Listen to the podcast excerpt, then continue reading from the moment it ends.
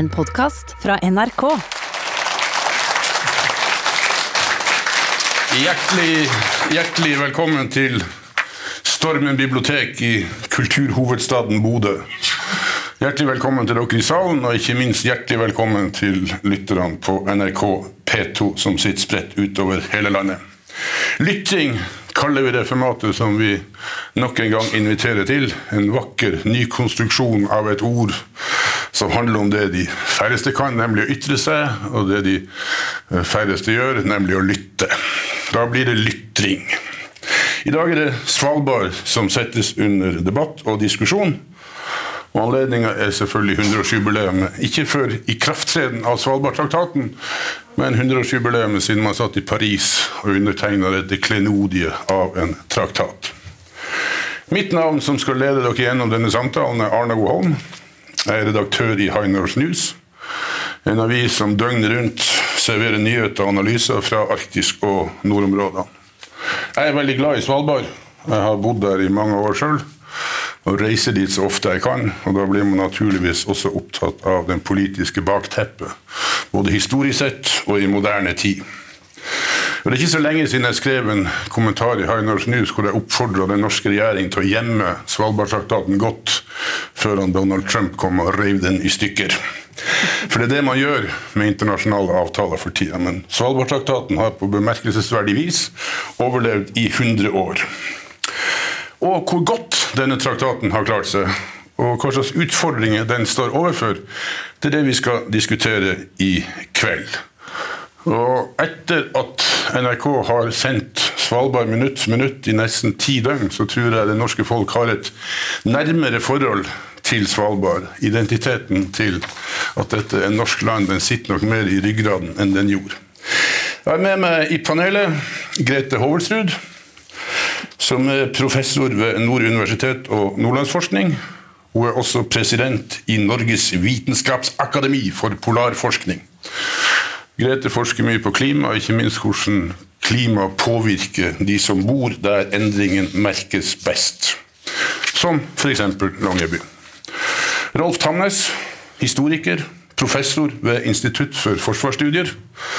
Der har han vært ansatt siden 1981, også som direktør i lange perioder.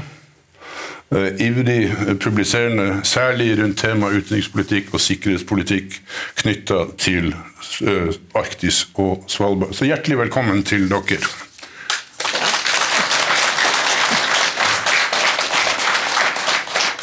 Så tenkte jeg vi kunne begynne med jeg kaller det gjerne litt folkeopplysning, men det er jo ikke så mange av dere regner med som har lest Svalbardtraktaten. Det er jo ikke noe man tar med seg på senga som, som lesestoff uten videre. Så jeg hadde lyst til å begynne hos deg, Rolf, med å, å si ja, det åpenbare spørsmålet. Hvorfor ble Svalbard norsk?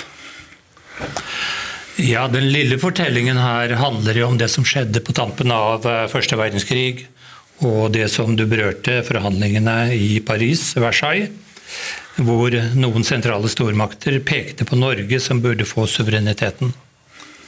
Den store fortellingen starter jo med at dette var et ingenmannsland, terra nullius, og dermed fritt fram for alle. Det er en situasjon som utfordres etter eh, årtusen, århundreskiftet ved inngangen til 1900-tallet, som de fleste, aller fleste her kjenner til.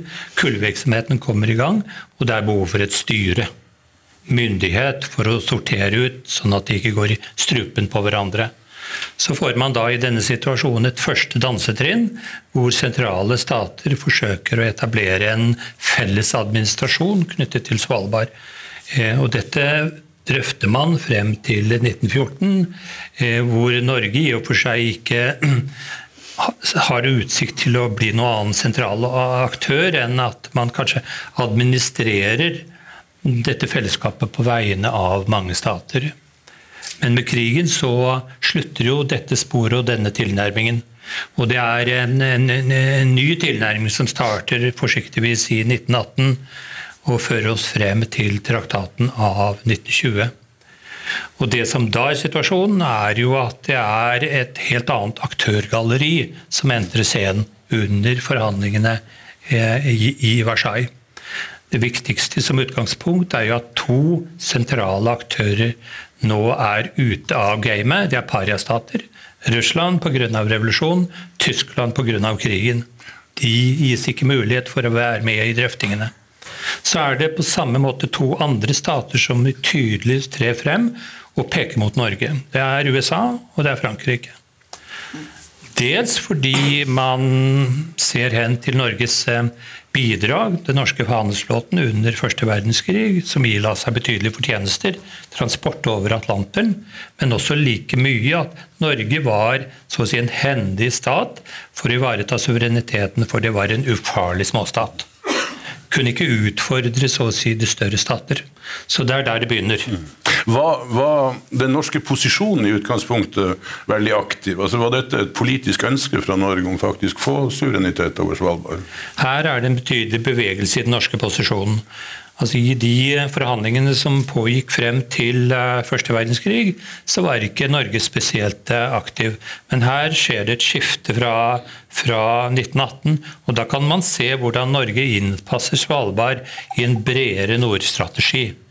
Eh, og Det er jo en småstat med betydelige nasjonale tilbøyeligheter som ønsker å gjøre Norge større, for å si det enkelt. Og hvor da Svalbard fremstår som juvelen i en arktisk interessesfære.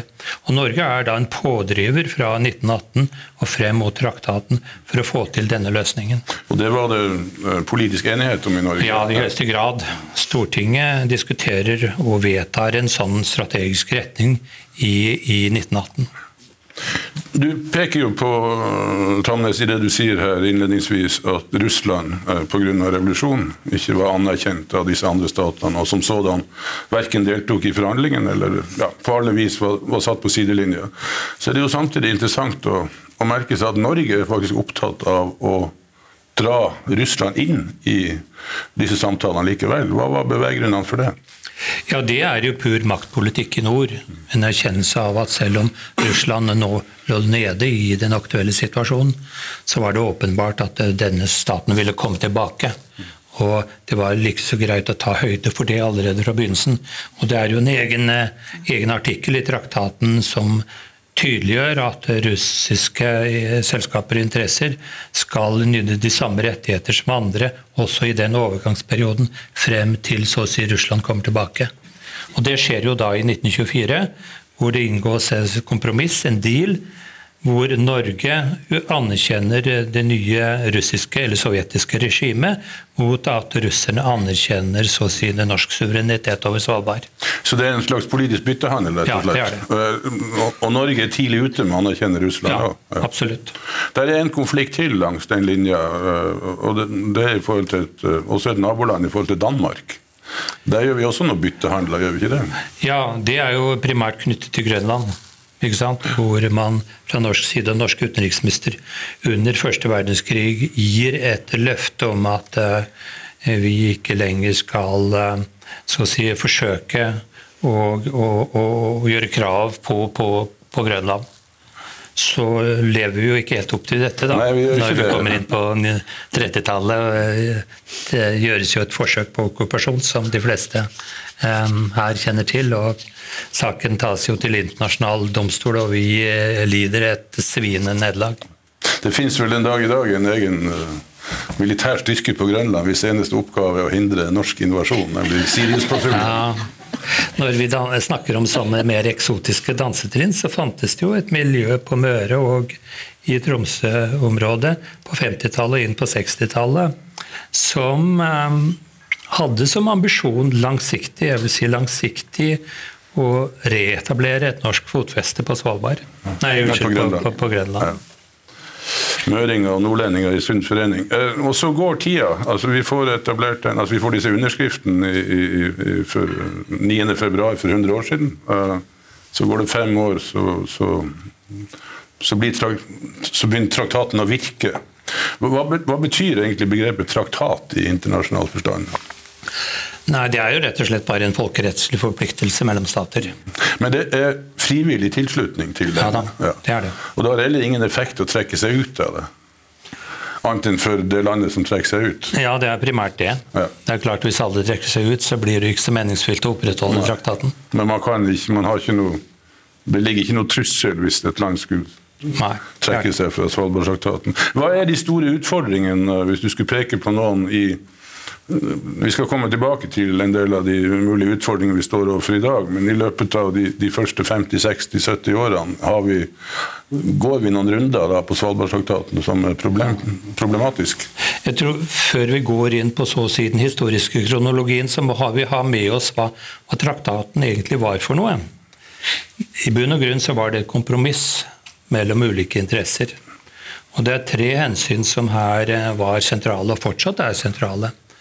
Eh, og Det første er knyttet til eh, at alle disse som da var med i forhandlingene, ønsket å etablere et effektivt styresett. Jf. at det var terra nullius på et tidligere tidspunkt. Og det å legge så å si, styresettet i hendene på Norge ble det ansett som en hensiktsmessig løsning. Da hadde man en aktør som tok ansvar, og som hadde et ansvar for, for, for å gjøre det. Og det var en ufarlig aktør i en større sammenheng, som, som, vi ser. Så det er et helt sentralt moment som har vært med oss eh, hele tiden senere. Det andre er jo da at ulike stater ønsket å ivareta sine først og fremst næringsinteresser på Svalbard. Det som ofte kalles terra nullius-interessene. De hadde jo vært der med, først og fremst med kullvirksomhet da i en lengre periode. Og Det ivaretas gjennom dette prinsippet som er nedfelt i traktaten, flere av, av artiklene, om likebehandling. Likebehandlingsprinsippet. Som er først og fremst knyttet til næringsvirksomhet på bestemte områder. Ja, for, bare spille deg også Ingrid. Fordi Dette likes, likhetsprinsippet her, det gjelder jo ikke nasjoner som sådan. Nei, det gjelder jo folk og næringer, altså bedrifter, fra de landene som har skrevet under. Så det er jo ikke landet som har rettigheter på Svalbard. Hva er den praktiske forskjellen på betydningen Nei, det, av det? Jeg tror det, har, altså det betyr jo at, at Norge styrer over folkene. altså Det er norsk lov som gjelder på Svalbard for de folkene som er der. Og du kan ikke, og det ser vi jo, vi kommer tilbake til det med Kina og Ny-Ålesund, men at det er at når landene skal det vil vel få en helt annen eh, kvalitet eller rolle hvis det er et land som skal ha rettigheter på Svalbard, enn folkene og næringene fra de landene. Jeg, jeg, har Svalbardtraktaten sørga for at Svalbard er et av de få steder eller plasser, geografiske områder i verden hvor det ikke finnes en innvandringsregulering? Bortsett fra mørke I, i hvert fall formelt så har man jo virkemidler for å regulere det. Mm. Men det står... Man stiller noen krav til at de er i stand til å livberge seg og slike ting. Mm. Men det er et tredje element, for vi kanskje sluttføre det resonnementet. Mm. Som ligger som et kompromiss i bunn, og som vi hele tiden må skjønne for oss å se den aktuelle situasjonen. I tillegg til styresett og likebehandlingsprinsippet, så er jo de militære beskrankningene. Artikkel 9. Og utgangspunktet den gangen var jo at eh, ingen stat så at øygruppen hadde militærstrategisk interesse. Og ingen ønsket å avse militære ressurser til denne delen av verden. Derfor så var de også opptatt av at det ikke åpnet seg noen muligheter for at andre stater kunne etablere, et fotfeste her. Derfor så kom disse begrensningene inn om at um, den ikke skal brukes for militære formål. Et forbud mot, uh, mot, mot, mot uh, baser og befestninger. Så det er også en sånn bunnplanke som vi har hatt med oss senere. Og som vi kan ikke forstå si, si samtiden uten at vi har med oss den begrensningen som er knyttet til artikkel 9. Og Det har jo vært en av så å si, kildene til, til konflikt i mange år senere. Ja, for På den ene sida har du det du beskriver som, som artikkel 9. Eh, langt tilbake i tid så innlemmes jo Svalbard i Natos forsvarsområde. Var det konfliktfritt? Det var det ikke. Fortolkningen av for så vidt av hele traktaten, men også av artikkel 9, har vært omstridt. Ett utgangspunkt er hvorvidt eh, artikkel 9 er å anse som en eh, demilitariseringsklausul. Og det er en rekke stater, eh, Russland en til, har en tilbøyelighet til å argumentere for det, selv om de f.eks. under annen verdenskrig slo til lyd for en okkupasjon. som jeg mener ville ha vært i strid med det grunnprinsipp som de forfekter. Eh, den norske posisjonen, som står sterkt, er at Svalbard ikke er demilitarisert. Det, bruk, det begrepet er, blir uriktig folkerettslig. Det er den norske fortolkningen. Det er begrensninger med hensyn til hva man kan gjøre, men eh, den er ikke absolutt. Den norske fortolkningen gjennom alle år er at siden Norge har suverenitet over Svalbard, så har man også hva suverenitetsinnehaver den selvsagt rett til å forsvare Svalbard, som Norge for øvrig. Og man har også rett til å iverksette en del forberedende tiltak med sikte på å forsvare øygruppen. Heimevern. Norge markerte tydelig etter annen verdenskrig at ønsker vi det, så kan vi etablere et heimevern på Svalbard. Men vi fant ut at det er ikke kostnadseffektivt å gjøre det. Det som først og fremst ligger i artikkel 9, den norske fortolkningen, er at det ikke åpnes for hva vi kan kalle offensive tiltak. Så det er et veldig viktig utgangspunkt. Og så har det jo vært spekulert i, og det kan sikkert ikke du eller Grete svare på, men det har jo vært spekulert i om russerne faktisk har bygd opp militære styrker på Svalbard. Er det mer spekulasjon, eller ligger det noe realitet i det? Hva vet vi? Nei, Jeg har nå vært litt opptatt av det spørsmålet, og norske myndigheter var jo spesielt gjennom den kalde krigen opptatt av å forsøke å kartlegge om så var tilfellet. Eh, konklusjonen var at så langt man kunne bringe på det rene, så foretok ikke russerne noen militarisering på Svalbard, etablerte så å si militære enheter. Det forhindrer jo ikke, jo ikke at enkelte så å si gruvearbeidere eller noen sånne formasjoner eh, var forberedt på en slik situasjon. Det, men det finnes ikke noe, så vidt jeg vet, fra norsk side noen så å si informasjon som pekte i retning av at vi har satt opp militære enheter. Det vi så, var at russerne etablerte etterretningstjeneste på Svalbard. Både KGB og GRU, den militære etterretningstjenesten. Eh, GRU fikk jo sitt eget kontor, også i Barentsburg, rundt 1982-83, da den kalde krigen var på sitt varmeste. Eller sitt kaldeste. Kaldeste, ja. Den var så kald at den holdt på å bli varm. Det sies jo faktisk at uh, det er vel ikke helt presist formulert, men på den kalde krigens kaldeste punkt så var en av de få møtepunktene mellom, mellom øst og vest var jo faktisk på Svalbard. For der holdt man jo kontakten mellom Barentsburg og, og Longyearbyen gjennom hele, absolutt hele perioden. Hvis vi så flytter oss uh, litt frem i tid nå, og, og, gjerne holder oss litt ved det norsk-russiske forholdet, Det er naturlig å, å, dvele med det, for det er tross alt et samfunn hvor Russerne er det eneste landet som, som, faktisk eier grunn på Svalbard, altså på norsk land. Og Det er jo en interessant konstruksjon i seg sjøl, at de eier Barentsburg og, og pyramiden på, på, på, norsk jord. Og så er vi inne i et jubileum. Og det har ikke akkurat, bortsett fra på NRK og et par andre si, sære plasser, det har ikke akkurat blitt heist norske flagg og, og ropt og spilt i trompet og blåst i fana i forbindelse med jubileet. Hva er strategien her? Ja, jeg vet ikke om jeg skal tale på vegne av offentlige myndigheter, men man kan jo kan si at det er, tolke, ja, man kan jo si at det er like hensiktsmessig å, å, legge markeringen til 1925, fordi det er da vi formelt overtar. Så kan man si at det er hensiktsmessig å ikke gjøre noe støy ut av den aktuelle situasjonen, fordi det vil kunne invitere til, til en bredere diskusjon hvor sentrale aktører, først og fremst revisjoniststater, la meg kalle dem det, Russland og Kina vil melde seg på og ønske en større og bredere diskusjon om Svalbards fremtid, som vi har sett tendenser til. Uh, og da kan vi, vi, kan hoppe litt til Kina, siden du, du nevner både Russland og Kina her. Og, og, og, for det er riktig som du sier, en av de første si, Kanskje ikke protester, men i hvert fall en, en indirekte protest Eh, kom jo i fjor eller forleden år nettopp fra Kina, og det handla om forskning. Grete. Kan du si ja, litt om altså, det? Ja, for Ny-Ålesund er jo forskningsstasjonen på Svalbard, og der er det 20 nasjoner. Og der, der, var det jo tidligere sånn at det var Næringsdepartementet som drev på en måte den gjennom, gjennom Kings Bay. Og så eh, opplevde vel eh, staten Norge, jeg vet ikke egentlig hvor det kom fra, men så bestemte de seg for å lage en forskningsstasjon som var styrt av Polarinstituttet, og hvor kanskje Kings Bay er mer en slags eh, vedlikeholder, for å si det sånn. Og da fulgte det med en del um, regler for hvordan man skulle være, være i Ny-Ålesund.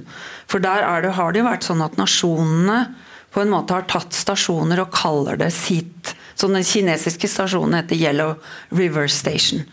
Og de har to fantastiske sånne store kinesiske eh, løver foran ja. ungkarsboligen der i Ny-Ålesund, for dere som har vært der. Og, og det, var, og det Ehm, det har vel vært en tendens til at eh, Norge har sett at det er nødvendig å stramme inn hvordan man gjør forskning i Ny-Ålesund, og at kanskje de ulike landene har på en måte hatt sitt eget lille land der. Selv om de spiser i messa og har et felles liv. Så det ble strammet inn med det resultatet at Kina da reagerte og mente at dette var deres land, de lov, eller deres sted. De hadde lov til å ha det som et kinesisk sted, og ville ikke gi noe mot at de skulle være en del av sånn samarbeid i Ny-Ålesund. Det var vel ikke en protest, men en, en veldig streng høringsuttalelse. Du er diplomatisk, for det, altså, det, det, det, Kina sier, er jo at, uh, at de vil bestemme sjøl hva ja. de skal forske på. Og så sier Norge at det er slettes ikke sånn det skal være på Svalbard. Og de sier at det skal kun forskes på det som man kan gjøre i, Lange, nei, i Ny-Ålesund som man ikke kan gjøre andre steder. Det er jo fantastisk, det er jo radiostillhet der, fullstendig radiostillhet, for det er veldig følsomme instrumenter. Og en liten mobiltelefon slår ut som et sånt stort uh, utslag på instrumenteringen der. Og så er det alle de tingene du kan måle og studere i Ny-Ålesund, er det du skal jobbe med der. Mens kineserne vil gjerne jobbe med traktaten, litt samfunnsvitenskap, og, og de har også lyst til å drive med gruvedrift i Ny-Ålesund. Og dette er jo et problem. Ikke sant? Sånn at Norge har strammet inn veldig med hva du kan gjøre i Ny-Ålesund. Hvordan står det seg helt kort i forhold til eh, prinsippet om fri forskning? En sånn regulering fra norsk side? Ja, det, altså, det, er jo greit, for så vidt, vil jeg si. At man Altså, det er jo ikke et stort sted. Og, og det at man er det hensiktsmessig å sitte i Ny-Ålesund og forske på traktaten? Det kan man gjøre andre steder, og vi har jo lange diskusjoner om det i Longyearbyen også. Om man skal ta inn samfunnsfag og sånt. Det har vi kjempet for lenge. Kommer inn på den kinesiske stasjonen i Ålesund, så henger det svære kart på veggen hvor hvert eneste stedsnavn omtrent på Svalbard er oversatt til kinesisk. Så de vet i hvert fall hvor de er. Det var Kina som leverer en, en protest på, eller en, en høringsut, høringsuttalelse. Og så um, og så i det vi går inn i hva vi skal si, markeringa, eller i det vi runder 100 år for Svalbardtraktaten, så får vi en ganske skarp note eh, fra Russland. Eh, denne gangen undertegna av utenriksminister Sergej Lavrov. Her protesterer Russland kort fortalt på på det de oppfatter som eh, regulering i strid med Svalbardtraktaten når det gjelder næringsutvikling. Eh, de peker på de får ikke bruke helikopter, det hemmer turisten, turismen. De får, ikke, de får ikke drive den gruvedriften de vil. Altså, de peker på en del punkt som vi og for seg har hørt før, men, men, denne gangen er det altså undertegna av Sergej Lavrov, og det kommer omtrent på 100-årsdagen. Hvordan, hvordan tolker du den protesten der? Ja, Det var utvilsomt slik at 100-årsdagen så å si ga en anledning til å ta opp dette på bredt grunnlag. Og De ønsket jo da også å så å si invitere Norge til en, til en bredere diskusjon om disse forutsetningene. En, en av konklusjonene hos Lavrov, dette er jo nå knapt 14 dager siden, er jo at han ønsker ekspertsamtaler om de problemstillingene han tar opp. Det er klart det er en ny situasjon, og det er, som han selv sier, han er dypt bekymret over utviklingen på Svalbard. Eh, det må man jo da naturligvis se i det bredere bildet knyttet til nordområdene fra 2007 2014. Så Slik sett så er det ikke noe overraskende at også det, russerne presenterer sin politikk med større tydelighet på Svalbard i, i denne situasjonen. Men her sier jo Norge et kontant nei til den type bilaterale samtaler som Lavrov ber om.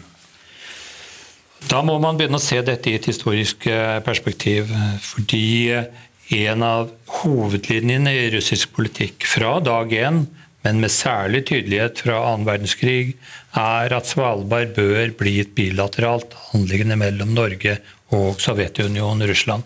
Og Det er en politikk som de har holdt fast ved i alle år, og med mye større tydelighet gjennom mange tiår tidligere enn i dag. Men det ligger der fortsatt i dag et ønske om å ha bilaterale konsultasjoner med Norge, hvor Norge svarer at det er ingen grunn til å særbehandle Russland på Svalbard. Svalbard er én av 44 land som har undertegnet eh, traktaten.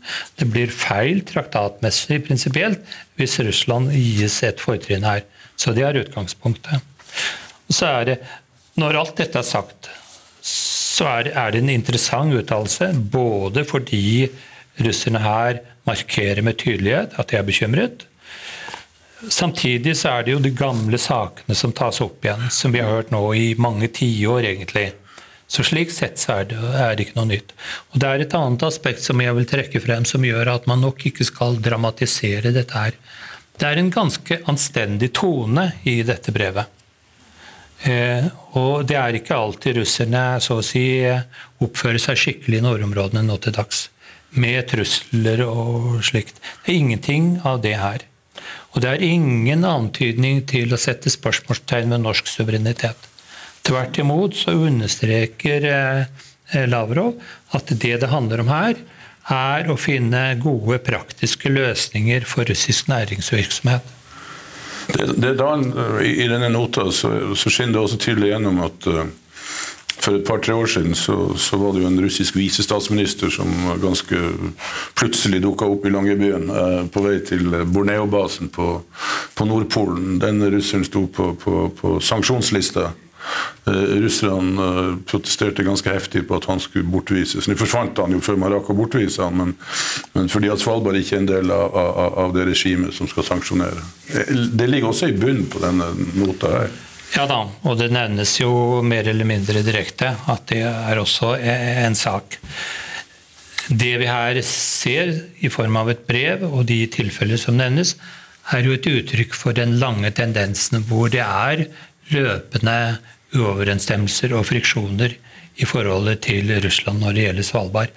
Men det er ikke noe dramatikk i situasjonen i dag sammenlignet med særlig under den kalde krigen, hvor dette jo var intenst. Ikke sant?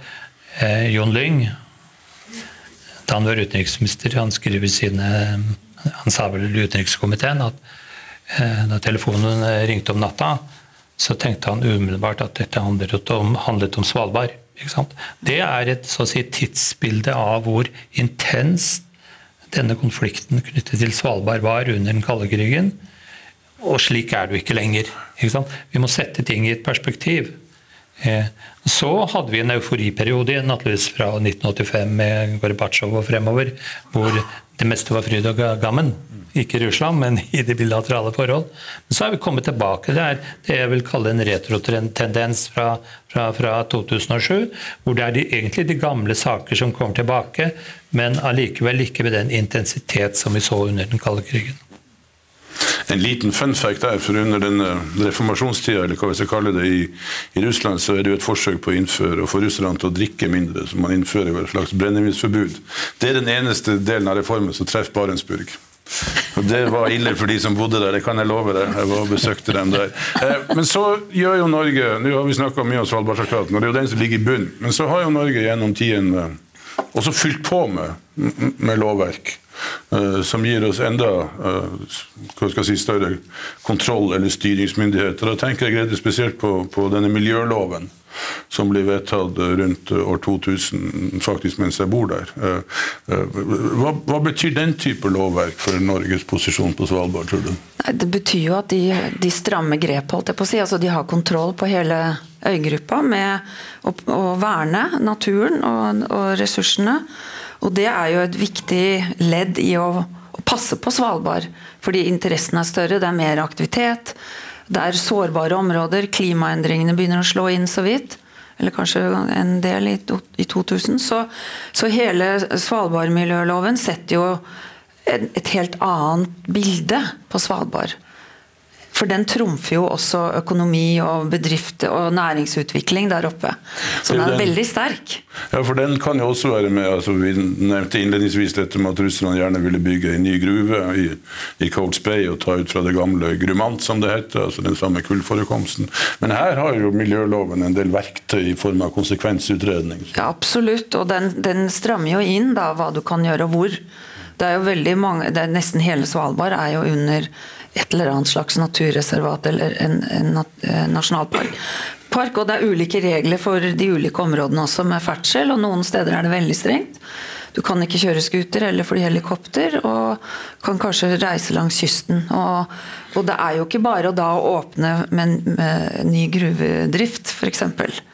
Senest i går kveld fikk jeg vite, like før jeg gikk hit, så ble altså en del av disse sentrale hva skal jeg si, business- eller reiselivsnæringen på Svalbard innkalt til sysselmann. For nå ønsker Miljø- og klimadepartementet ytterligere innstramming også i, i miljøloven. Så dette er jo et viktig redskap politisk, åpenbart. Ja, voldsomt. Og, det, og det, det står veldig sterkt.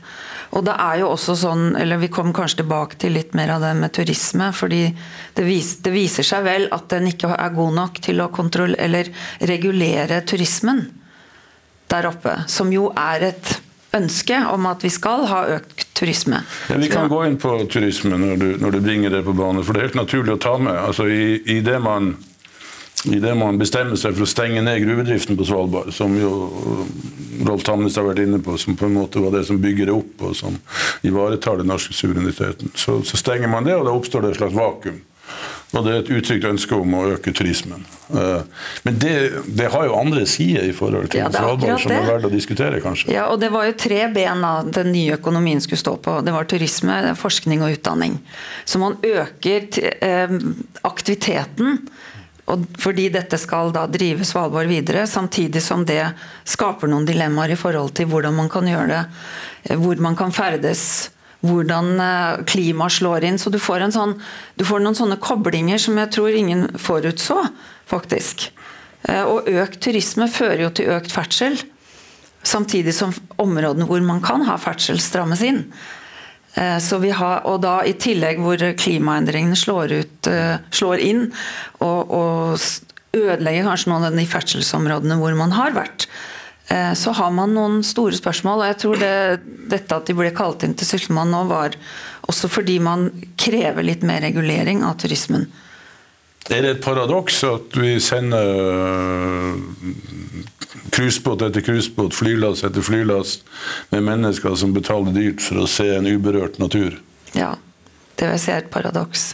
Og jeg tror ingen hadde forutsett hvor stort det trøkket skulle bli. Og hvor mye det tok med seg av folk og Longyearbyen som sliter med hvordan de skal håndtere så mange. Et stort cruiseskip som kommer til kai, eller som ligger ute i Adventfjorden. ikke sant? Det er mange mennesker. Og Longyearbyen er jo ikke stor.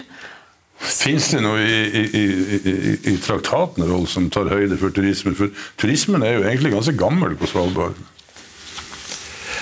Nei, det er ikke noe generelle så å si, hensyn som, eh, som er nedfelt i, i traktaten knyttet til den, annet enn de generelle, generelle bestemmelsene. Som innebærer at hvem som helst, i og for seg, hvis man oppfører seg ordentlig, kan starte en turistbedrift på Svalbard. Altså hvis man har undertegna traktaten. Ja, både ja og nei. Altså, altså Myndigheten ligger til Norge, og Norge har en full rett til å regulere retning og omfang av aktivitet på Svalbard, så lenge vi holder oss til likebehandlingsprinsippet. Jo, men så lenge, det er derfor så lenge man oppfører seg ordentlig. Altså det siste landet så vidt jeg vet, som har undertegna Svalbardtraktaten, er vel Nord-Korea. Ja. Eh, kanskje for å drive turisme, jeg vet ikke. Men, vi kan det- ikke nekte dem det hvis de oppfører seg ordentlig. Ja, I prinsippet så kan vi jo det, på samme måte som vi har vernet mesteparten av Svalbard.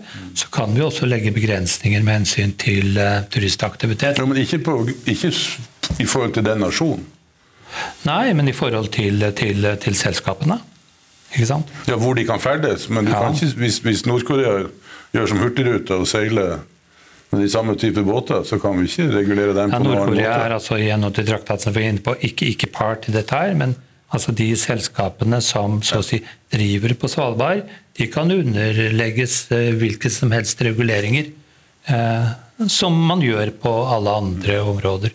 Så er det jo spørsmålet om man tar den politiske belastningen, Og det er også et spørsmål om si, totaliteten i den norske virksomheten. fordi, som dere nå har vært inne på, når kullvirksomheten nå reduseres, og sysselsettingen og arbeidsplassene går ned, så er det jo det store spørsmålet hvordan skal vi få til volum på det norske nærværet på Svalbard.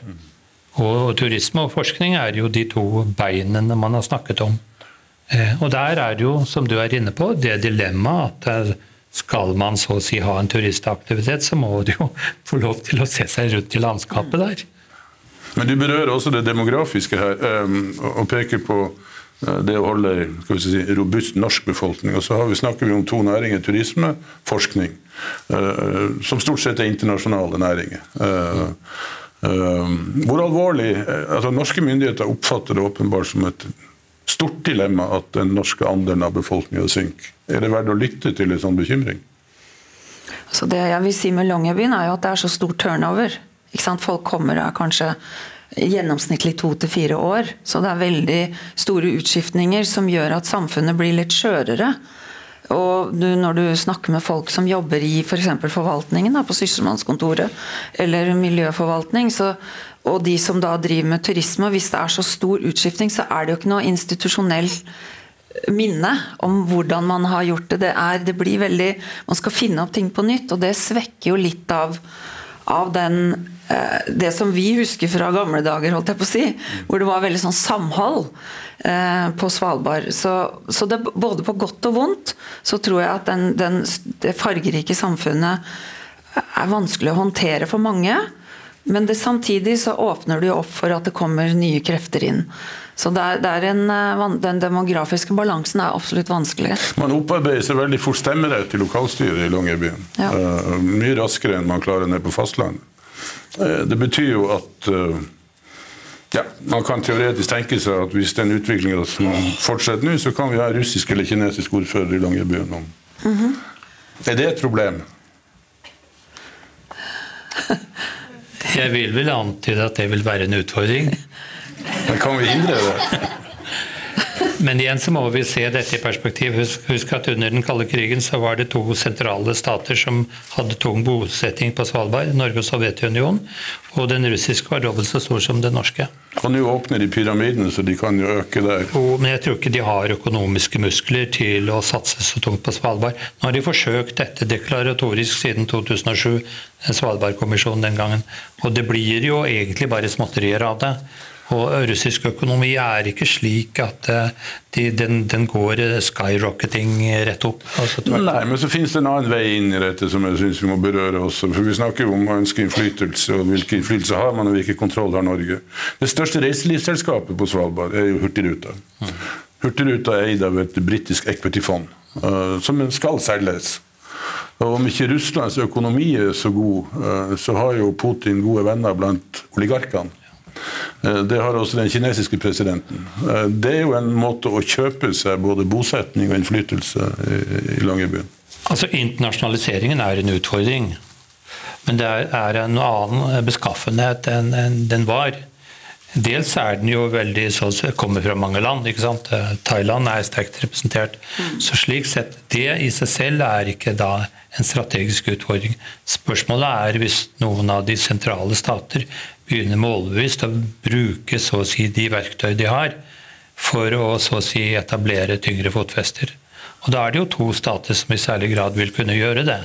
Russland ut fra historie og tradisjon og alt det der er, og Kina fordi de har så nærmest grenseløse økonomiske ressurser.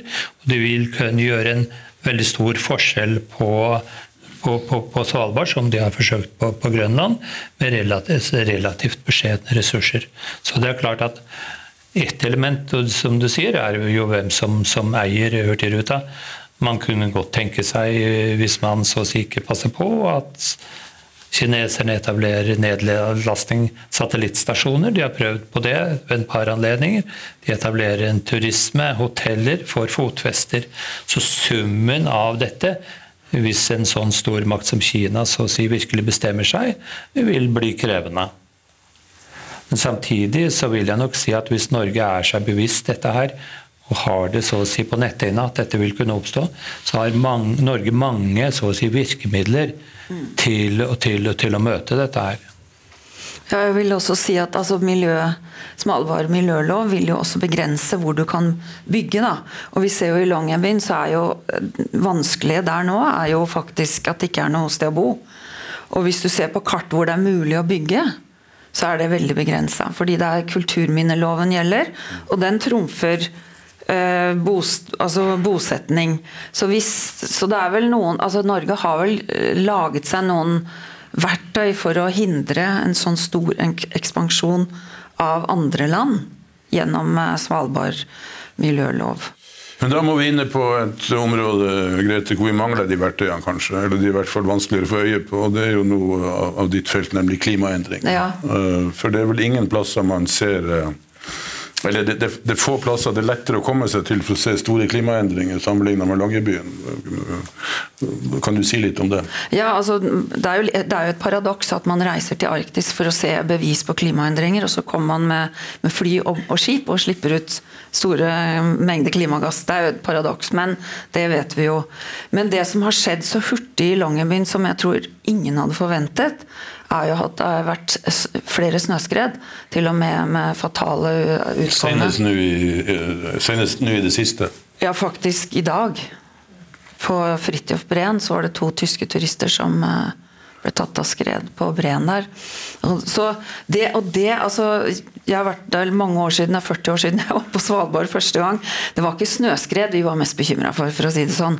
Og det var heller ikke at vi, var, vi tenkte oss ikke at jordskred og den type ting som nå har trigget av klimaendringene, skulle være sånn et problem i Longyearbyen. Og det har det blitt. Hvilke konsekvenser får det for de som bor der? Altså, ja, altså, det du, du er jo mye ras, uro. og du, vi vet jo at det har gått ras som har tatt hus. Ja. og det er uro, Folk er urolige for det, fordi det er så begrenset med hvor du kan bo. De bygger jo, altså de som er lokalkjent, de bygger liksom ut av Longyearbyen og mot Adventdalen, men det er jo begrenset areal.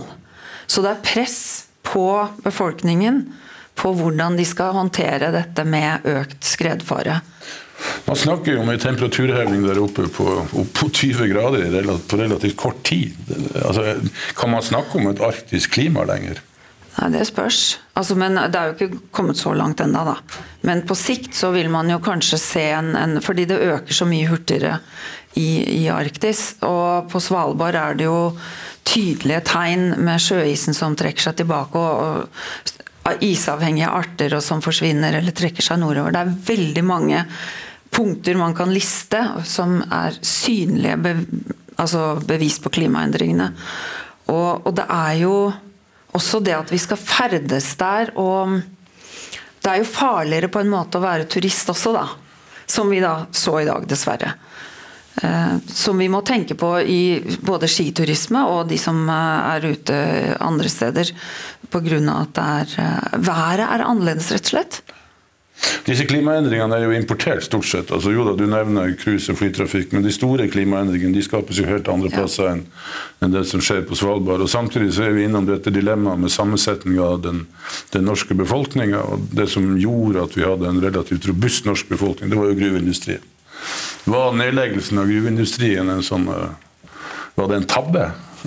Symbolpolitikk og en tabbe? Neppe en tabbe. Altså, det er jo, vi må jo følge med. og det er jo ikke fortsette med kulldrift på Svalbard, og som for så vidt verden ikke trenger, er jo eh, fornuftig å legge ned den type drift. Det er jo fortsatt litt drift i en av gruvene der, som for å holde liv i kraftverket i byen, men, eh, men det jeg ikke tror man var forberedt på, var hva turisme, det økte trøkket fra turismen ville avstedkomme, faktisk. Så er det jo en annen aspekt ved dette som også eh, må løses innenfor Svalbardtraktaten. Altså den økte tilstrømmingen av turisme og den økte tilstrømmingen av, av, av, av fiskebåter og fangst. Eh, fordi at temperaturen i havet endrer seg. Eh, har vi eh, Rolf Tamnes, har vi en beredskap som er i stand til å håndtere den utviklinga vi ser på Svalbard i dag? Vi er i hvert fall mye bedre forberedt enn noen annen arktisk stat.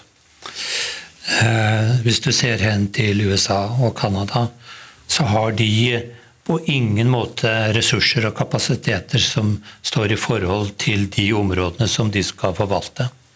Det er klart Russland sammenlignet med Norge har jo betydelige kapasiteter. Men de har jo også så å si halve kystsonen her. Så er, Russland vil jo i et langtidsperspektiv stå for et formidabelt sårbarhetsproblem når, når, når Arktis åpner seg. Det, det, det må de håndtere. Nå tenker du på den nordlige sjøruten? Ja, ja. Mm. men også når isen så å si trekker seg tilbake. og Da snakker jeg om perspektiv i 2050 så, så vil, de det være en samfunnssikkerhetsutfordring for, for Russland knyttet til trafikk.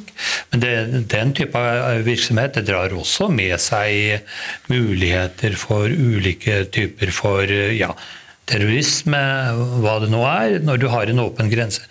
Tenk hvor svær denne grensen blir, en åpen grense for Russland i det lange perspektivet.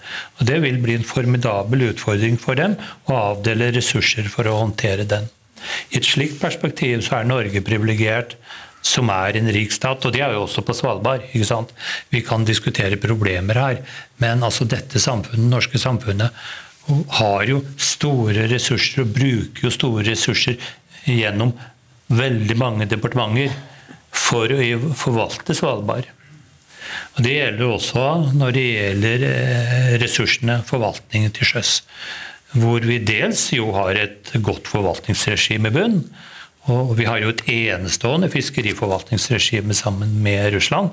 I et komparativt perspektiv sammenlignet med andre land, så er det jo på mange måter enestående. Det er en grunnleggende felles interesse i å bygge opp dette her. Så er det spørsmålet om vi har de, skal, skal vi si, de kapasitetene som skal til for å, for å regulere og kontrollere eh, den fiskeriforvaltningen vi har, har, i nord. Og vi er jo igjen i ferd med å bygge opp en betydelig kystvakt. Den er jo under fornyelse, eh, og det er store forsinkelser. Men vi er i ferd med å få nye fartøyer, ikke bare Svalbard, som vi fikk i 2001, men også den nye Jan Mayen-klassen. Vi får etter hvert nye helikoptre, pluss, pluss, pluss. Og selv om antallet eh, plattformer eh, vi, vi, får fremover er mindre enn tidligere, så har de jo en mye større rekkevidde på alle måter. Bl.a. pga. helikopter. Her, her nevner du jo fiskeriforvaltninga, men, men det er også, da, da, er det jo naturlig å trekke inn dette som pekes på som et av de store kanskje store utfordringen i forhold til Svalbardtraktaten, nemlig utvidelsen av den norske kontinentalsokkelen til 200 eh, nautiske mil. Et, et, et arrangement som, som, som, ble godkjent gjennom FN og for så vidt internasjonalt anerkjent. Men her står det jo en strid uh, hvorvidt dette skal være en del av, uh, av Svalbard, altså reguleres under Svalbardtraktaten eller under norsk uh, jurisdiksjon. Altså med, med, det har betydning for hvem som regulerer det, og det har betydning for skattlegging av aktiviteten. Og Der vet vi at både Russland og Storbritannia og kanskje andre land nok ville protestere høyere hvis dette ble satt på dagsordenen. Har vi et problem her, eller? Vi har en utfordring, men det er ikke noe nytt i situasjonen eh, nå sammenlignet med hva som var utgangsposisjonen. Da må vi gå tilbake til 70-tallet, hvor den nye havretten kom på plass. Og Det er to dimensjoner her. Det er jo sokkelen, og det er det som blir vernesonen fra 1977. Hvor den norske rettsfortolkningen jo er at traktaten kun gjelder land og territorialfarvannet eh, nå tolv nautiske mil. En såkalt eh, ordlydsfortolkning av traktaten. Så er det en del eh, stater som har dels reservert seg mot dette synet, sagt at eh, vi ønsker ikke å ta standpunkt, men det har skint igjennom at de ikke er overbevist om at det, det norske synspunktet er riktig. Og så er det noen stater som har gått ut med stor tydelighet, Russland allerede, eller Sovjetunionen allerede i 1970, og sa at vi er uenige i dette. her. Traktaten gjelder også Sokkelhavet utenfor. Storbritannia er jo et av de landene som er kommet etter allerede i 1986. Sånn at det er en prinsipiell uenighet omkring fortolkningen av traktaten, som vi har sett tydeligst i forbindelse med vernesonen, fordi der foregår aktivitet. Det har ikke materialisert seg når det gjelder sokkelen, fordi det er ikke kommet i gang petroleumsvirksomhet i denne, den, dette området. Men det vi har kommet i gang med, Grete, er jo å skyte seismikk og nærme oss denne sonen i forhold til å kartlegge olje. Det skjer jo i disse dager. Ja, det gjør faktisk det. Og det er interessant. Hvis man tenker, hva, hva, Vi vet jo ikke hva som ligger i bunnen her, men sånn som jeg forstår det, så mener man at det, man må vite hva det er for slags ressurser som ligger der. Og det vel, har vel Norge sin fulle rett til å gjøre der oppe. Men det signaliserer jo noe. Men det er, jeg syns jo vel Altså Petroleumsvirksomhet eller ikke, det er vel eh, kanskje ikke det vi kommer til å se på sokkelen rundt Svalbard. Jeg tror jeg faktisk ikke. Men fiskeri, derimot, er interessant. Hvis vi skulle løfte blikket litt på tampen av dette, fordi det er jo en det er jo ikke bare fordi Svalbard er noe av det vakreste som finnes. Uh, og Svalbardtraktaten er viktig. Det har jo også en, en, en geopolitisk dimensjon. Uh, Norges rolle uh, internasjonalt. Og, og, og, her finnes det andre her finnes det også en del andre system og organiseringer av det, si, det arktiske politiske liv. og Jeg tenker spesielt på Arktisk råd, som jo er en sammenslutning av åtte arktiske stater, et samarbeidsorgan en av de plassene man faktisk, både USA og, og, Russland, fortsatt møtes. Eh, så er Arktisk råd også under et press, bl.a. fordi at USA mener sikkerhetspolitikk bør være en del av, av, av diskusjonen i, i, Arktisk råd. Det er en veldig konflikt, i hvert fall verbal, mellom Russland og USA hvordan Arktisk råd skal organiseres. Er Arktisk råd fortsatt viktig? Eh, eh, vil det overleve? Et åpent spørsmål til dere begge. Absolutt. Det vil overleve. Nå må man skille mellom to nivåer her. Det er det øverste politiske nivået, hvor jo Arktisk råd eh, gjennom noen år eh, møttes på utenriksministernivå og eh, fikk en, så å si, en signatur som de ikke hadde hatt på de ti første årene, og som nok ikke lenger er tilfellet. Men under dette politiske nivået så pågår det jo løpende et viktig samarbeid mellom de statene som er med, og også de som er assosierte. Og det løper jo på mange måter helt uanfektet av så å si, den politiske turbulensen. Og Der er det jo en dyp konsensus blant de arktiske rådsstatene, de A8 som vi kaller dem, om at dette er et veldig nyttig instrument. Og så kan vi ikke unnlate å, å, trekke inn i den, bare for å illustrere en del av disse utviklingstrekkene vi ser når, når Donald Trump vil kjøpe Grønland. Um, det er jo uttrykk for en større internasjonal interesse knytta til Arktis, i hvert fall. Politisk. Ja, selv om det er litt sånn odde. Så Ja, men det er en president, tross alt. Det er en president. Vi må erkjenne det. Ja. Men, men, men, det er noe mye større knyttet til Grønland og Det er den nye geopolitiske situasjonen i nord. Det handler om spenningen mellom vest og Russland. Og det handler om at Kina melder seg på eh, globalt, men som også nå i økende grad speiler seg i nord. Amerikansk politikk inn mot eh, Arktis nå eh, så å si, er så å si en, en, det er det samme bildet som vi ser i amerikansk politikk uansett rundt omkring i verden. Og Det er på det grunnlag og det er det som er mye mer interessant enn litt sånn tilfeldig tvitring fra Trump osv. At amerikanerne er tilbake på Grønland og ønsker å reetablere tydelige fotfester sammen med Danmark. Og de er også tilbake på Island, på Keflavik-basen? Mm. Ja, det er de. Vi lar det henge litt i lufta når jeg skal stille det, det siste spørsmålet. Jeg tenker kanskje til deg, Grete, men, men, men til begge to. fordi vi, vi, vi, står over to relativt store endringer når vi ser på Arktis som, som, som, stort. Og Svalbard er vårt arktiske paradis, i tillegg til at vi tilhører det som kalles nordområder. To store endringer. Det ene er klima.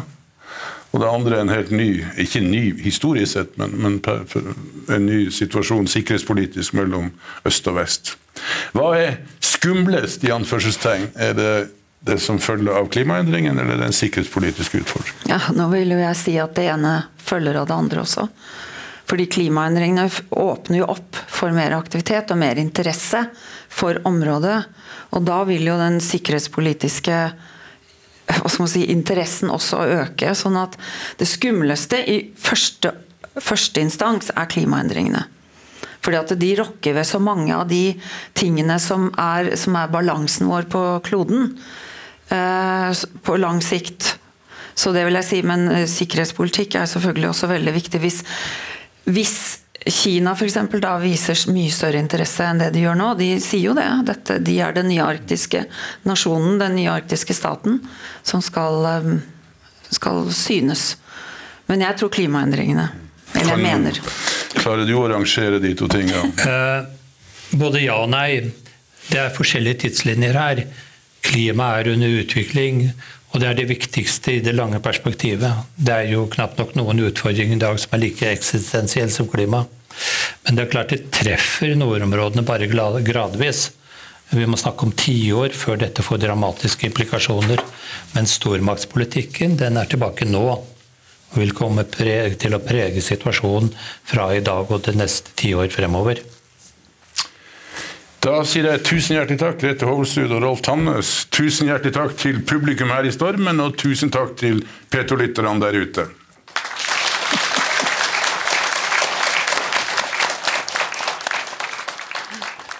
Du har hørt en podkast fra NRK.